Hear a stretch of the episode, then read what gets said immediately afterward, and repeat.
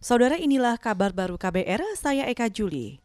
Kondisi perekonomian dunia saat ini resesi dan berpotensi masuk ke depresi. Kondisi ini dikarenakan wabah COVID-19 yang berdampak pada kesehatan, ekonomi, dan sosial.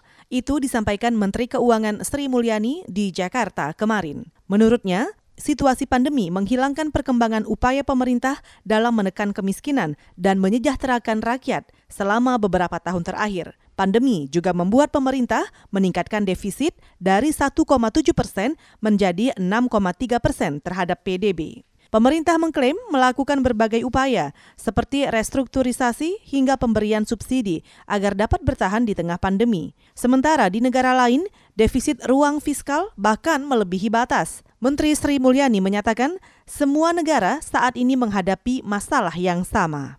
Kita ke soal lain.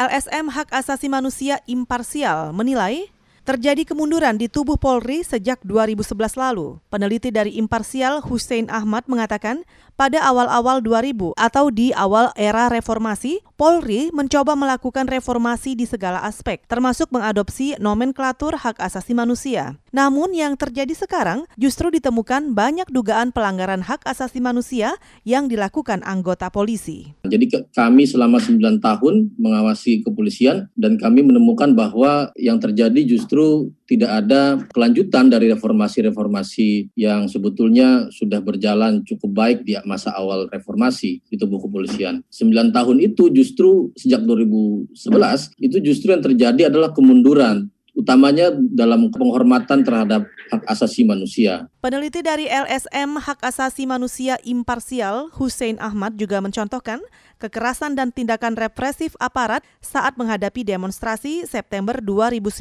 lalu yang menyebabkan jatuhnya korban jiwa. Berdasarkan catatan LSM Komisi untuk Orang Hilang dan Korban Tindak Kekerasan atau Kontras, dalam satu tahun terakhir, ada lebih dari 200 orang tewas dan 600 orang luka akibat kekerasan penggunaan senjata api oleh polisi. Kontras juga mencatat tidak ada satupun kasus kekerasan oleh polisi yang diselesaikan melalui mekanisme pengadilan pidana. Saudara, angka penularan atau reproduction number COVID-19 di Jakarta masih berkisar satu. Gubernur DKI Jakarta Anies Baswedan mengatakan Angka itu belum aman untuk dilakukan pelonggaran. Selain itu, di Jakarta juga masih banyak ditemukan kasus aktif dari hasil pelacakan dan pengetesan.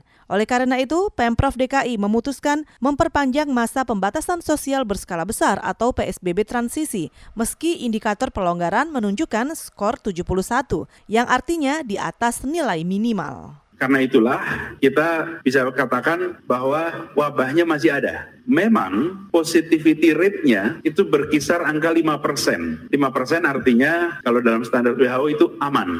Tetapi bukan berarti kita sudah bebas. Dan angka reproduction di Jakarta ini masih berkisar satu. Belum turun sampai angka yang lebih aman masih sama dengan angka bulan yang lalu. Gubernur DKI Jakarta Anies Baswedan menambahkan, kasus aktif COVID-19 justru banyak ditemukan dari pengetesan yang dilakukan petugas puskesmas dari hasil pelacakan, bukan ditemukan di rumah sakit atau pemeriksaan orang di rumah sakit. Anies mengklaim Jakarta memenuhi syarat minimal tes yang ditetapkan Badan Kesehatan Dunia atau WHO, yakni 1000 tes per 1 juta penduduk. Data terakhir, ada lebih dari 11.600 orang positif COVID-19, 6.600 di antaranya sembuh, sementara 600-an orang lainnya meninggal.